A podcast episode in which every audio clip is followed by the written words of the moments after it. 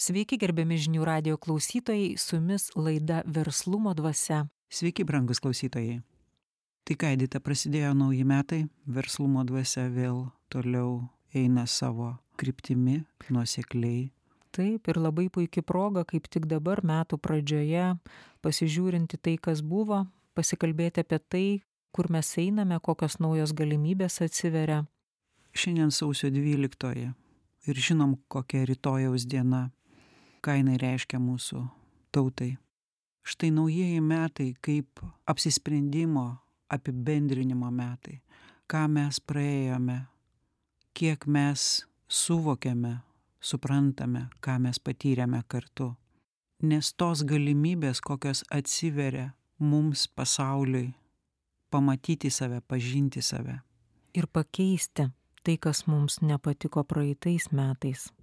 Todėl mes norėtume laidą pradėti mūsų laidos autoriaus Augustino tekstu, kuriame autorius dalinasi savo įžvalgomis su jumis, brangus klausytojai. Prašau, Erikai. Išgyvename paslaptingų virusų pandemiją ir kaip niekur nieko toliau gyvename. Nes nesusimastome, kokiais laikais gyvename. Nesuprantame, kad pasiekus dabar jau karo veiksmais vadinama melo ir klastos rafinatumo kulminacija atsiveria neįkainuojama, dar nepatirtų jausmo protu suvokiama naujos būsenos transmutacijos galimybė. Įvairiais gyvenimo būdais, pasikeitusiame pasaulyje, kitaip išreikšti naują savo sielos dvasę. Nuo mūsų visų naujam gyvenimui atgimstančios bendros sielos dvasios subtiliam pasauliu išreiškiamo jausmo priklauso ne tik mūsų laisvė, bet ir kiekvienos tikras demokratinės vertybės ginančios tautos išlikimas. Ir žmogaus kaip sutvėrimo likimas. Šiandieną mes galbūt pirmą kartą per tūkstančius metų galime laisvai išreikšti savo jausmų ir protų, džiaugsmuose ir varguose išmutavusią bendrumo dvasę. Ir į visą pasaulį paskleisti tai, ką mūsų dvasia turi savyje sutelkusi geriausio šiame žemės lopinėlėje, kurį vadiname Lietuva. Tuo, ką savo sielos dvasioje turime sukaupę geriausio, turime išmokti dalyti su visų pasauliu. Bet ar suvokėme, ką gero pasauliui galėtume padovanoti dabartinėme bendros dvasios išvystytos sampratos lygmenyje?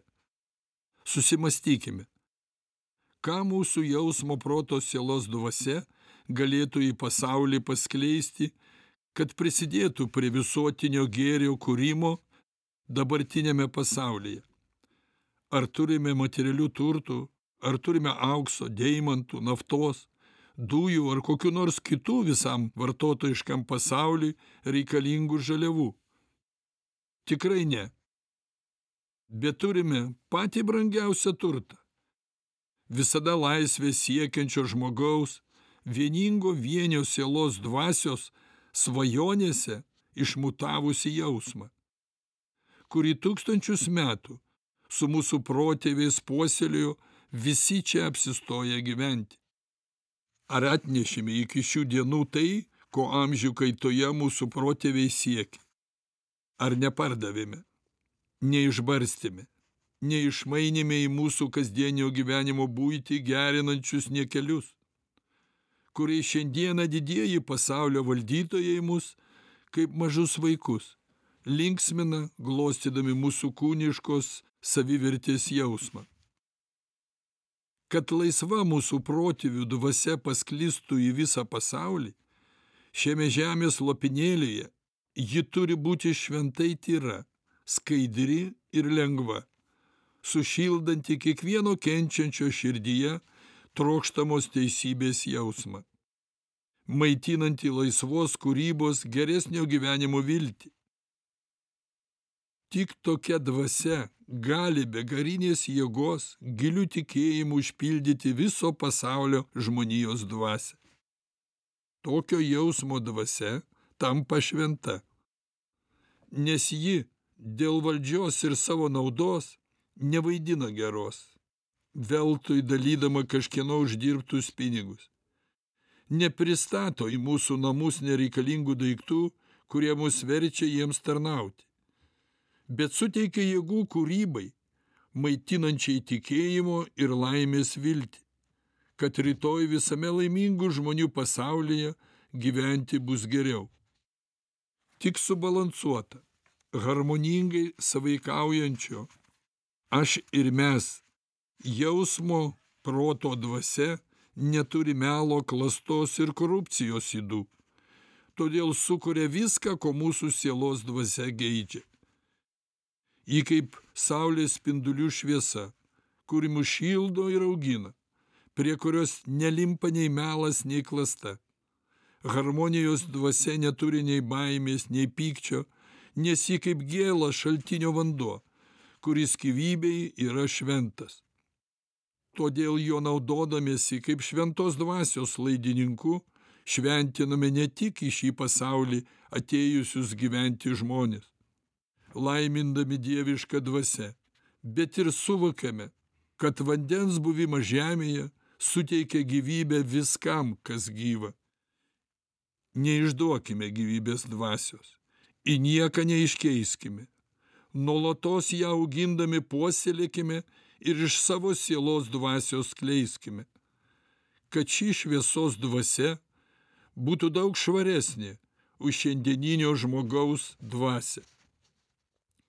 Savo būtimi atspindėkime dangaus ir žemės šviesą, kaip vakaras ir rytas atspindi nuolat mirštančią ir vėl atgimstančią, naujoje dienoje išauštančią visos žmonijos vilties dvasią kurią visi kartu kasdieninio gyvenimo jausmu ir protu kūrėme, jausdamiesi dieviškos dvasios vaikais.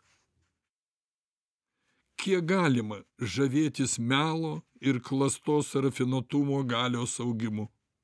Juk veikdami kartu beveik visame pasaulyje laisvą lietuvių migravimą šiame pasaulyje bendra sielos dvasėjo iškovojom ir pasaulyje laisvo piliečio sielos dvasią pasėjome. Tai su meilė savyje brandinkime pasaulio išminties, teisingumo, tikėjimo ir laimės jausmą, neleisdami melų ir klastai graužti savo dieviškos sielos dvasios šaknų. Juk visame pasaulyje išsibarstę Lietuvos gyventojai, naudodamėsi šio laikinėmis technologijomis, vienas kitą gali lengvai pasiekti ir bet ką, kurdami į bendrą dvasę susijungti. Bet ar mes tikrai to norime? Ar tokie, kokie susikibę rankomis Baltijos kelyje norėjome būti, dabar mes esame? Ar tokius mes norime matyti savo vaikus ir vaikų vaikus? Ar mes pas protėvius išeisim ramus, sau užtikrintai ištardami, kad padarėme gyvų ir už mus numirusių kovotojų sielas laimingas. Ką po mūsų išėjimo šiame pasaulyje likusieji gyventi mūsų girdinčiai, bet nebeliai sielos dvasiai, savo mintimis šnapždės. Kada mes tik per praeitie savo pačių paskleistų atminimų dvasę, su jais neregimai bendraudami gyvu žodžiu jau nieko atsakyti jiems negalėsime. Štai šitame tekste matau labai svarbę mintį apie tai, kad ką gero galima pasauliui padovanoti dabartinėme bendros dvasios išvystytos sampratos lygmenyje. Ir štai mes toliau laidoj kalbėsime apie jaunus žmonės, kurie ateina pas verslininką, kreipiasi įvairiais klausimais ir prašymais ir jie visi skleidžia tą bendrumo dvasią bendro noro bendro siekio dvasią. Netgi kai kurie ir jau mato tų bendrų rezultatų dvasią. Iš tikrųjų reiktų pažiūrėti, kas yra bendra, ar ne, kaip tu sakai, dvasia yra bendra dvasia siekimo ar ne? Noro susikurti kažkokį verslą kuris būtų sėkmingas. Bet reikėtų turbūt pažiūrėt kaip tu sakai kas ten yra skirtingo ko jie nematė. Taip ir štai verslininkas apie tai kalba. Apie tą bendrą dvasią išvystytos sampratos lygmenyje. Taigi kiekvienas iš tų jaunų žmonių apie kuriuos mes bandysime kalbėt toliau tiksliau apie jų tuos pageidavimus norus kiekvienas jų turi savo individualią sampratą priklausomą nuo jų šeimos kultūros nuo jų išsivystymo lygmens nuo jų nuostatų nuo jų instinktyvių įvairių traukų. Visa tai sudaro jų tam tikrą išsivystymo lygmenį ir jauni žmonės būtinai su tuo susiduria kitaip neįmanoma kurdami kartu tą bendrą viziją kuri visada skleidžia bendrą dvasią Mhm, jie susidurs, tu nori pasakyti, su tais skirtumais, ar ne, kurie jiems dabar neryškus, nes juos vienyje bendras noras sukurti produktą. Štai ir čia prasideda ta verslumo dvasia ir šiandien apie tai mes pabandom pakalbėti tiksliau. Štai parodysime, kokias vietas autorius akcentuoja ir kiek yra svarbu mokėti atskleisti tuos uh, skirtumus ir suvokti ką jie duos ateity kokie bus iš to rezultatai. Apie tai straipsny ir kalbama. Tai kaip autorius klausia ką gero galėtume pasauliui dovanoti ir atsako kad turime patį brangiausią turtą visada laisvės siekiančio žmogaus vieningo vienio sielos dvasios svajonėse išmutavusį jausmą kurį tūkstančius metų su mūsų protėviais puoselėjo visi čia apsistoję gyventi. Tai tarkim aš stoviu kaip žmogus kuris bandau žengti pirmą žingsnį ir pradėti kurti realizuoti ir net neįtariu jeigu neskiriu tam dėmesio kad aplink mane už manęs stovi mano protėviai mano šeima visa aplinka visuomenė. Ir jeigu aš turiu su ja ryšį jeigu aš galiu rezonuot tai kas tarp mūsų vyksta ir ką skleidžia kokią pridėtinę vertę mes galime sukurti apie kurią kalbama tekste ir per tai kokią dvasią tas tekstas skleidžia. Edita ar tu atkreipei dėmesį į vieną vietą tekste kur kalbama kad ar atnešėme iki šių dienų paskaityk šią vietą. Ar atnešėme iki šių dienų tai ko amžių kaitoje mūsų protėviai siekia ar nepardavėme neišbarstėme neišmainėme į mūsų kasdieninio gyvenimo buitį gerinančius niekelius kuriais šiandieną didieji pasaulio valdytojai mus kaip mažus vaikus linksmina glostydami mūsų kūniškos savivertės jausmą. Man įstrigo tas kūniškos savivertės jausmas. Nuo kada aš matau tame lyg prieštarą? Nuo kada kūniškos savivertės jausmas nėra mums ta pusiausvyros būsena nėra mums tai svarbu.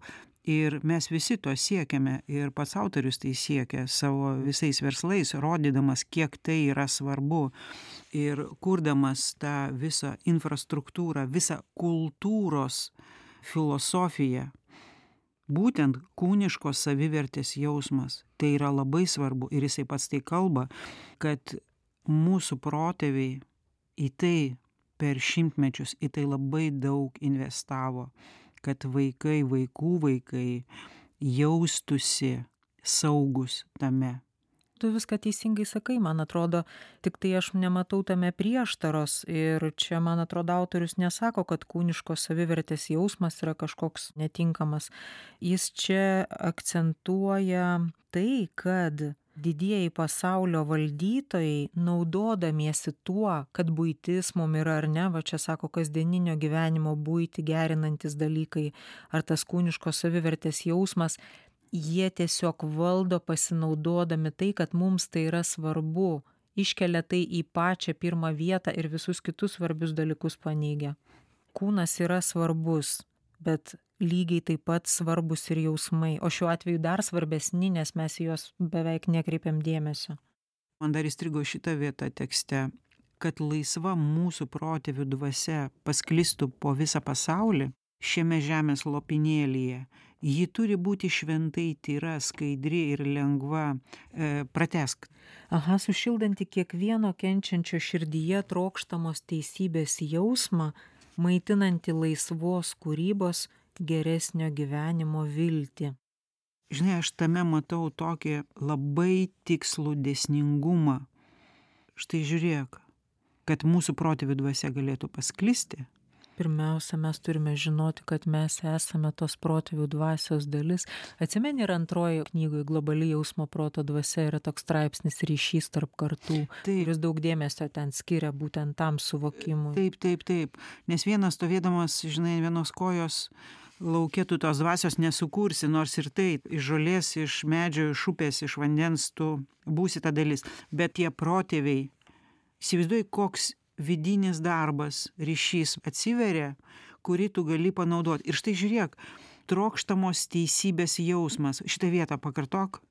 Kiekvieno kenčiančio širdyje trokštamos teisybės jausmas. Tai įsivaizduoji, mūsų šita bendra dvasia, jinai atveria mumise tą kančią, o jinai yra kiekviename, nes mes visi išgyvename tos prieštaravimus, tą neteisybę, melą, apgaulę. To visko tiek daug, žinai, ir įsivaizduok, dvasios pagalba, to samoningumo pagalba, mano kančia pradeda transformuotis. Aš pradedu jausti tą vienio dvasę ir atsiveria tas teisybės jausmas.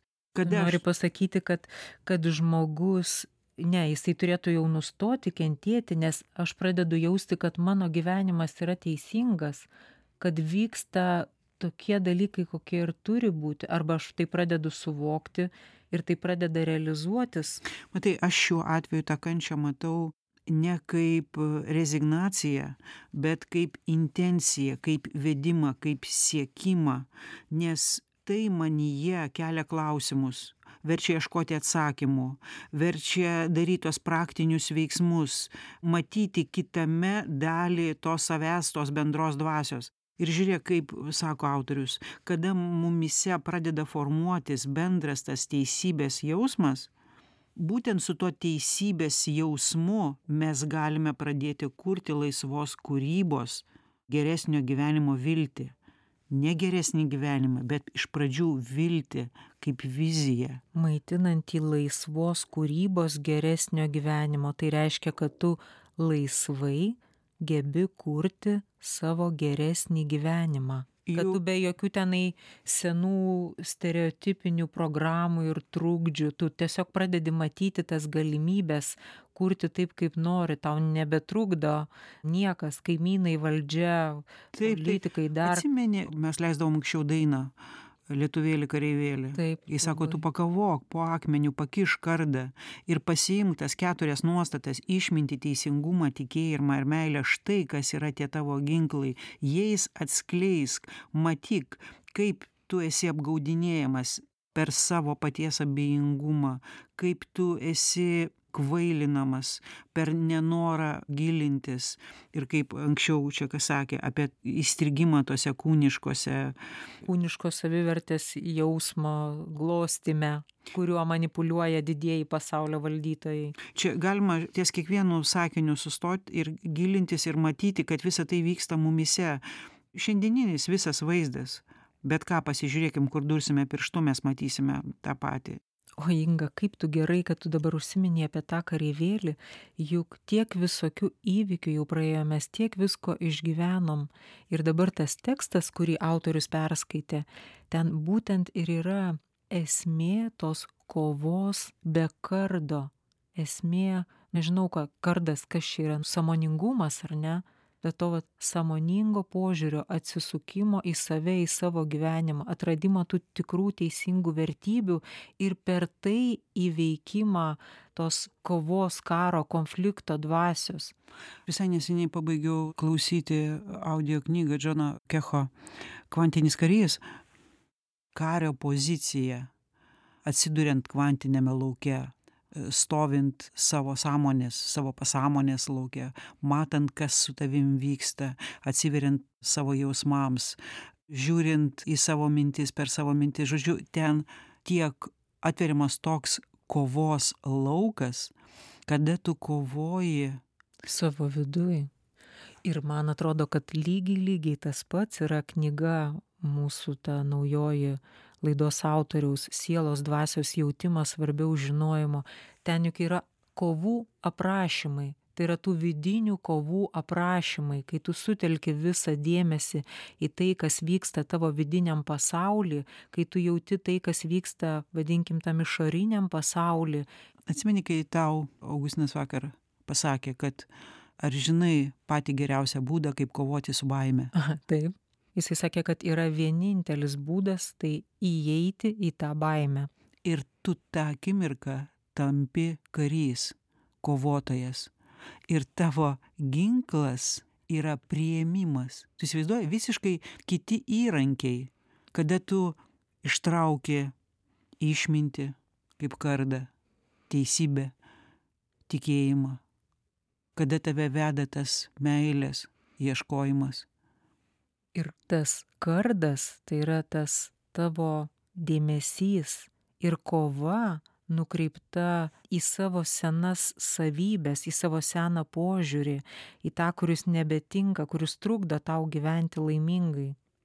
Pabandom paklausyt kaip dabar skambėtų šita- mielai mielai paklausom gerbiami žinių radijo klausytojai. Paklausykim ištraukos verslumo dvasios laidos autoriaus parašytos dainos lietuvėli kareivėli kol su Lietuva gyvensiu širdyje. Tikra laimė jaus visa darny tauta.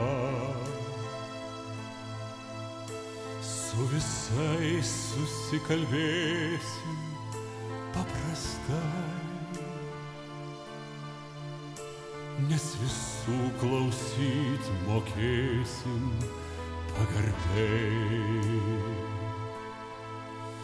Lietuvėlį, kareivėlį, už teisybę tu kovok, skleis pasauliui tyrą meilę, savo jausmo neišduok, ženk į priekį, kareivėlį, dėl tėvynės mylimos, skleis pasauliui vien tik gėrį, šlovink vardą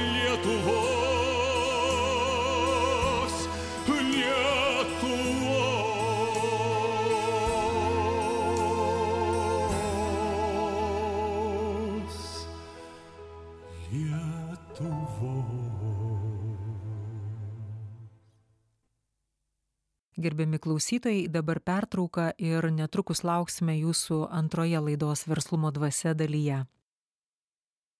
Gerbiami žinių radijo klausytojai grįžtame į verslumo dvasią. Antroji dalis. Mes per bendrą verslumo dvasios veiklos laiką kartu su laidos autoriumi turime surinkę su jaunais žmonėmis studentais pradedančiais verslininkais ir šiaip entuziastais ir per laiką sukaupę nemažai medžiagos vien iš laidos autoriaus pasisakymų kurie kaip dabar akivaizdu tampa dėsningumais ieškantiems bendrų principų taisyklių receptų kaip kurti verslą kaip jį vystyti tai šiandien antrai daliai atrinkome ir iš archyvo ir iš buvusių pokalbių keletą laidos autoriaus verslininko pasidalijimų su jaunais žmonėmis e, kurie tikimės sudomins ir bus naudingi jums mieli klausytojai. Nes kaip mes pirmoje dalyje kalbėjome mes išgyvename tą laiką kai labai svarbu ieškoti ryšiuose naujumo tikslingumo kuriant bendrą dvasią. Žodžiu tema tokia atsakymai patarimai pradedančiam verslininkui. Pokalbį pradėsime štai nuo kelių draugų kurie sukaupė pinigų dirbdami užsieny ir dabar labai norėtų ir galėtų pradėti kažkokį verslą lietuvoje. Bet bėda ta kad jie nežino nuo ko pradėt.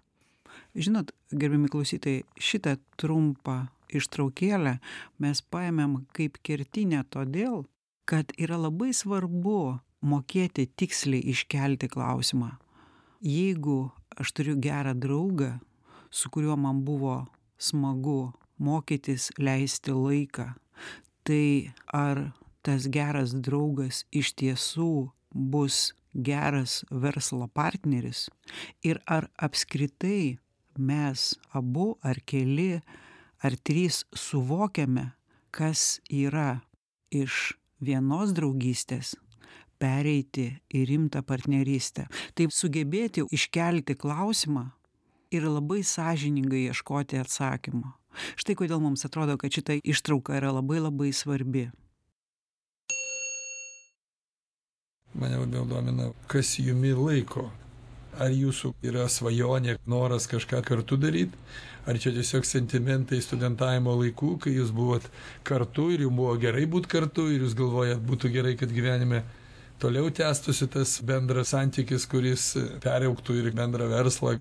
Ar jūs turit kažkokių planų idėjų?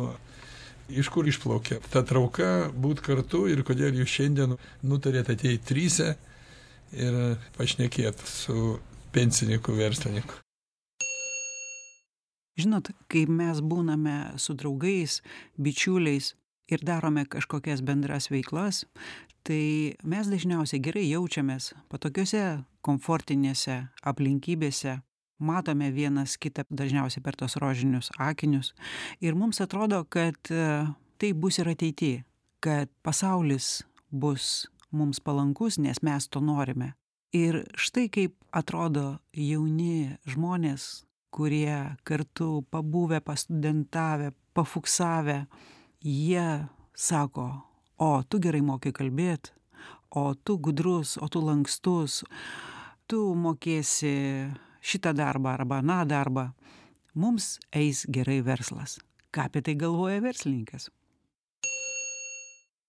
Tai jeigu taip rezumavus dabar jūsų norą būt kartu tai pagal savo leksiką mąstymo manierą mes pasakytume kad visa tai išplaukia iš egoistinių jausmų nes noras padaryt verslą kažką sukurt turėt tai daugiau išskaičiuojant į tai kad jis gerai kalba jis gerai užbaigia darbą jis priekabus viską iki galo daveda jisai kelia klausimus tai jūsų nuomone tai galėtų duot gerą naudą ir galėtų jeigu tai būtų pavyzdžiui verslas tai jūs vienas kitą turėdami stipriau jaustumėtės pasitikėtumėt labiau vienas kitu ir jūs tada kiekvienas atskirai jaustumėtės stipriau.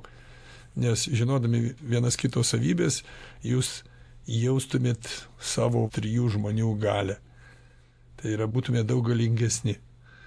Bet prieikim prie jūsų pokalbio ir prie jūsų reikalo kitu kampu kaip mes bekalbėtume ta visa galia susiveda į ekonomiką. Nes firma tai yra ekonomika. Verslas yra ekonomika jeigu žiūrint pasaulietine prasme tai yra dalykai materialūs apčiuopiami pelnas pinigai verslo sėkmė darbo vietos. Visi šitie dalykai yra kaip aš sakau pasaulietiniai. Bet kokia dvasia jumi jungia. Koks jausmas ar jis yra tiktai protinio išskaičiavimo ką jūs dabar bandot sudėstyt. Ar yra dar kažkoks kitas jausmas? Ar jūs suvokiat kad vien iš to nesusideda. Nes sako du žmonės yra jau daug kada du žmonės sueina ar šeimoj ar kažkokioj veikloj bet trys tai jau yra labai daug. Nes trys tai jau yra ne pora o grupė. Ir grupė žmonių gali nuveikti daug labai kalnus nuversti. Žinot ne tuščiai parašyta šventuose raštuose kad kur du ten ir aš. Ką tai turima omeny kai tarp dviejų žmonių įsivyrauja santarvė ir vienybės jausmas užgimsta tai jau galia yra dviguba. Jau jinai lenkia bet kokį eilinį žmogų. Savo gyvybine galia savo giminiais resursais o sugebėjimai jie išlavinami ypač tie pasaulietiški. Bet vienybės galią sukurt yra labai sunku. Ir kuo labiau žmonės lavėja materialinės plotmės lygmenyje tuo sunkiau jiem apsijungti subtilių jausmų lygmenyje nes materialinę gerovę galima sukurti tiktai subtilių jausmų sąskaita. Jūs norėdami sukurti daug pinigų arba didelį verslą turėsit aukot tai kas jum dabar yra brangiausia sakraliausia. Tai apie ką mes kalbam santykiai jausmai nes verslas atima labai daug laiką galimybę bendraut galimybę jaust savo artimą nes tada turi jaust verslą, darbuotojus, pavaldinius, marketingą, jaust klientą arba paslaugos gavėją. Jeigu gaminys, tai gaminio pirkėją, gaminio gamintoją. Ir kuo daugiau verslas plečiasi, tuo daugiau reikia jausmų atiduoti, tuo daugiau reikia aukoti. Kuo daugiau atiduodi ir aukoji, tuo mažiau lieka. Ir vieną gražią dieną apsidairai, kad tu jau nieko nejauti, jausmų nėra, jie visi išdalinti, atiduoti ir paversti daiktais arba pinigais, arba mašinomis, arba gamybom, cechais, fabrikais, parduotuvėm, ar visai nesvarbu kuom, į ką tu buvai suorientuotas. Ateityje reikės kovoti su sėkmės jausmu, su godumu, su noru daug padaryti. O sėkmė visą laiką persekios, kurstys, vainikus dės, laurus. Oi, sakys, kokie jūs šaunoliai, oi, kaip jūs čia gerai pasiekėt, tada jūs dar daugiau norėsit vis. Ir po truputį, po truputį taip išvilios iš jūsų viską. Visą sveikatą, dėmesį, visą meilės jausmą ir tik jeigu nesuvaldysit šitų visų jausmų, tai gal jūs ką nors papasakokit apie savo įsivaizdavimą versle, apie savo vizijas, ar jūs iš vis turite tokių kur jumi traukia ir gal tada po truputį prieisim prie to atsakymo, kodėl jūs pas mane būtent atėjot. Ta visą supratimą apie verslumą ir apie verslumo dvasę tai formuoja pirmoji eilė mūsų pačių įsivystimo lygis, kokį mes jį turime ir visuomenė. Nes mes visuomenėje gyvenam. Ir kokia yra visuomenė, toks pas mumi formuojasi supratimas. Nes visuomenė kiekvieną iš mūsų įtakoja. Ir nesvarbu ar mes anglijoj ar airijoj ar lietuvoj gyvenam mes negalim nesiskaityt su visuomene nes tai visuomenei yra sukurti įstatymai tos pačios visuomenės ir vis tiek viskas atsiremia į tą sąmoningumo lygį kurį mums suformuoja visuomenė ir suformuoja mūsų pačių siela kokia ta siela. Kodėl aš pradėjau jūsų klausinėti kaip jūs vienas į kitą atsinešat kas jum įjungia kodėl nes man labiausia rūpi jūsų jausmai kokius jūs turit jausmus kaip jūs jaučiat vienas kitą kaip jūs jaučiat tą rinką ir, ir, kokios tos jūsų vizijos. Gal pabandykim dar pereit prie vizijų. Ar turit kokių nors verslo vizijų ar įsivaizduojat kokioj nors sferoj save veikėjais. Ir štai čia atsiveria tokia realybė. Jauni žmonės turi daug svajonių, daug optimizmo, entuzijazmo, jie turi daug įsivaizdavimo, kas yra jų teisės ir gale, bet jie neturi tos vizijos. Arba tiksliau, jie įsivaizduoja, kad vizija yra liktas pirštų spraktelėjimas čia ir dabar. Arba kitaip, ją tiesiog kažkas tai gali duot. Būsiu žiaurus ir tiesiai pasakysiu jum, į akis turėtų būti labai gėda, kad jūs neturit vizijos. Tai yra jau pirmas ženklas, kad iš jūsų jau darosi robotai. Tai yra krumpliaračiai, detalės žuvies fabriko mechanizme.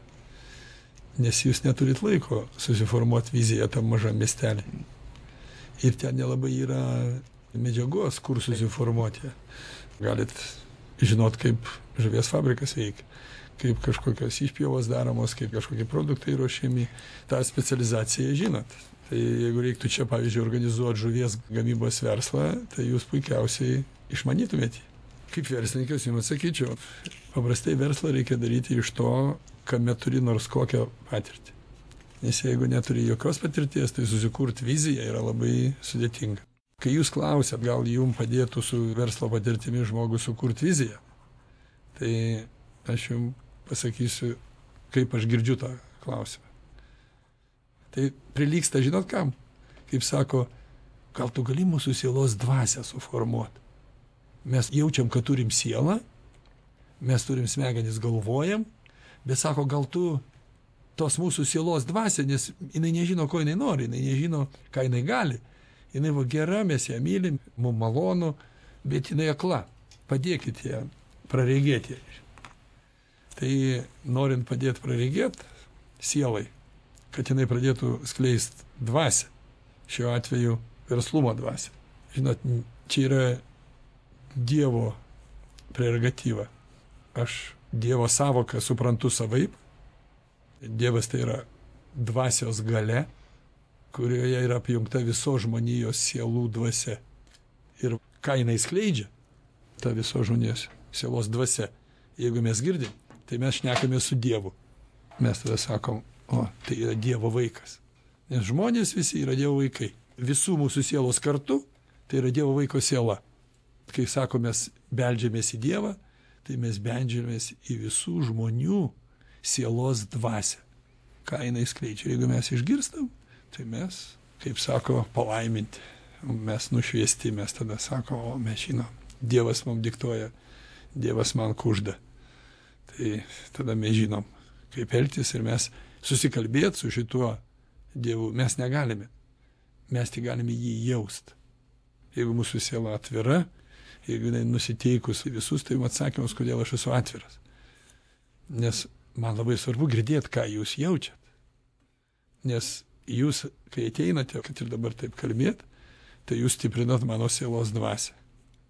Ir aš tada, klausydamas jūsų, mokausi.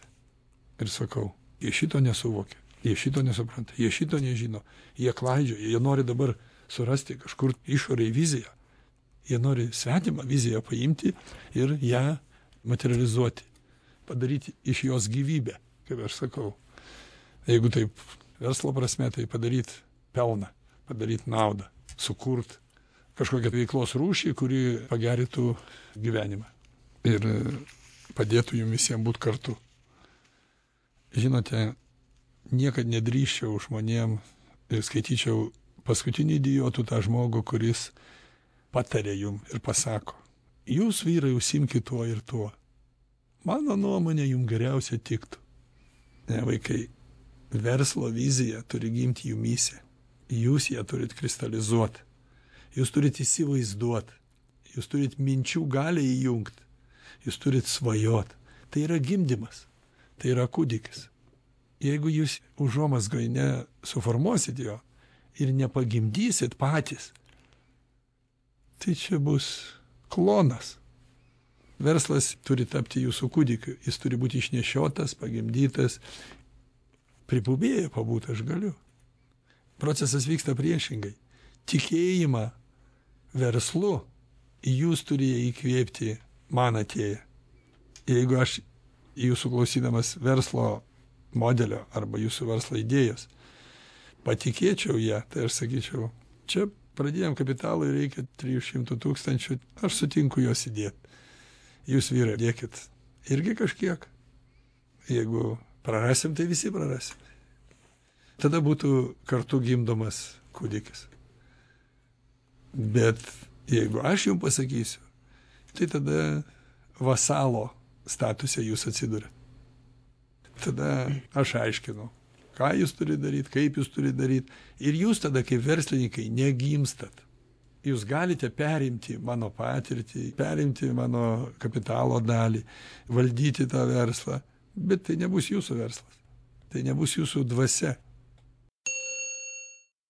Ir kiek mums teko klausyti pokalbių, tokia akimirka visų klausimas yra vienas. Tai kaip, verslininkė, pasakykit, užgimsta ta vizija? Iš vizijų ateina patirtis, o ne iš patirties vizijos. Svajonėse gimsta vizijos. Meilėje, noruose, jausmuose. O paskui ateina patirtis. Dabar jūs bendraujat. Jūs turit pradėti įsivaizduoti savo gyvenimą. Kodėl taip turi būti, o ne kitaip? Todėl, kad jūs žinote savo traukas, prie ko jumi traukia, kas jums artima, kas jums miela. Nes kaip sako, susirask darbą, kuris yra tavo svajonė ir nereikės dirbti. Bet kad svajonė taptų kūnu, materija, reikia ją įsimylėti. Kai ją įsimylė, tada jau reikia patirties, kaip tą svajonę realizuoti. Tada reikalinga tokie kaip aš. O jeigu svajonės nėra, vyrai, aš už jumi negaliu pagimdyti jūsų svajonės. O kas duoda galios svajonę tikėti? Yra du kertiniai dalykai. Jūsų sielos būsena, jūsų traukos, kaip aš mėgstu sakyti, instinktyvios traukos, norai ir visuomenė. Aiškiai, jūs žiūrite į du polius. Žiūrite į visuomenę, ko jai reikia, ir žiūrit, ko jūsų sielai reikia.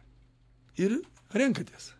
Arba jūs įsirenkat, kas jums reikalinga, arba jūs įsirenkat, kas visuomeniai reikalinga.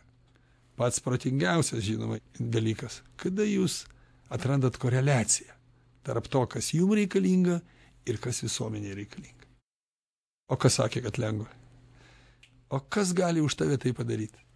Jeigu tu nesusivoksi, tave bet koks žulikas paklaidins. Bet koks. Be to, mano svajonė, tai yra mano svajonė, o ne tavo.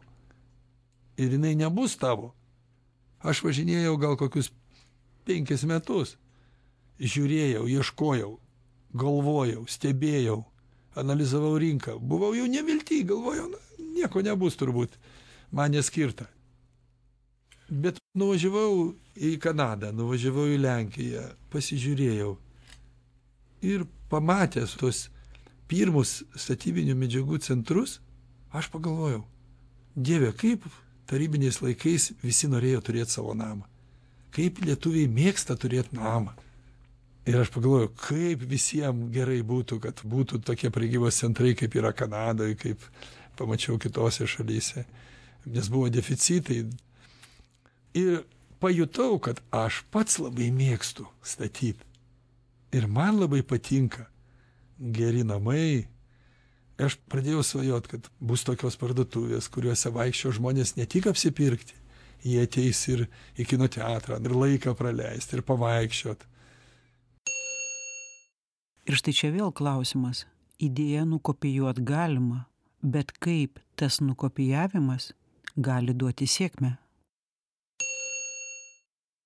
Kiekvienas daiktas, kada nukopijuoji kažkokį modelį verslo.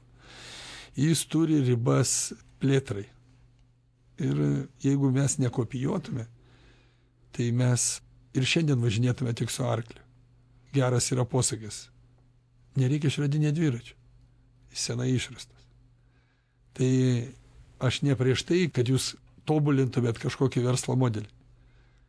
Bet jūs turite įsimylėti tą verslo modelį. Ne aš. Aš jums duodu patarimą. Taip kad jūs neleistumėt, kad jum parinktų kitas. Pasirinkite pagal savo jausmus, pagal savo skonį, pagal savo savybės ir pagal savo poreikį. Šiandieną pasaulis atviras. Idėjų galima pasisemti, kadangi sienų nėra. Reikia mokytis iš tų šalių, kurios toliau nužengia ir tradicijas turi daug gilesnės. Po šimtą metų jau veikia ta rinka. O pas mumis dar tik formuojasi, kūdikis tik tai ta rinka jinai dar iškrypus labai stipriai, nes čia dar seno mentaliteto požiūrio labai daug.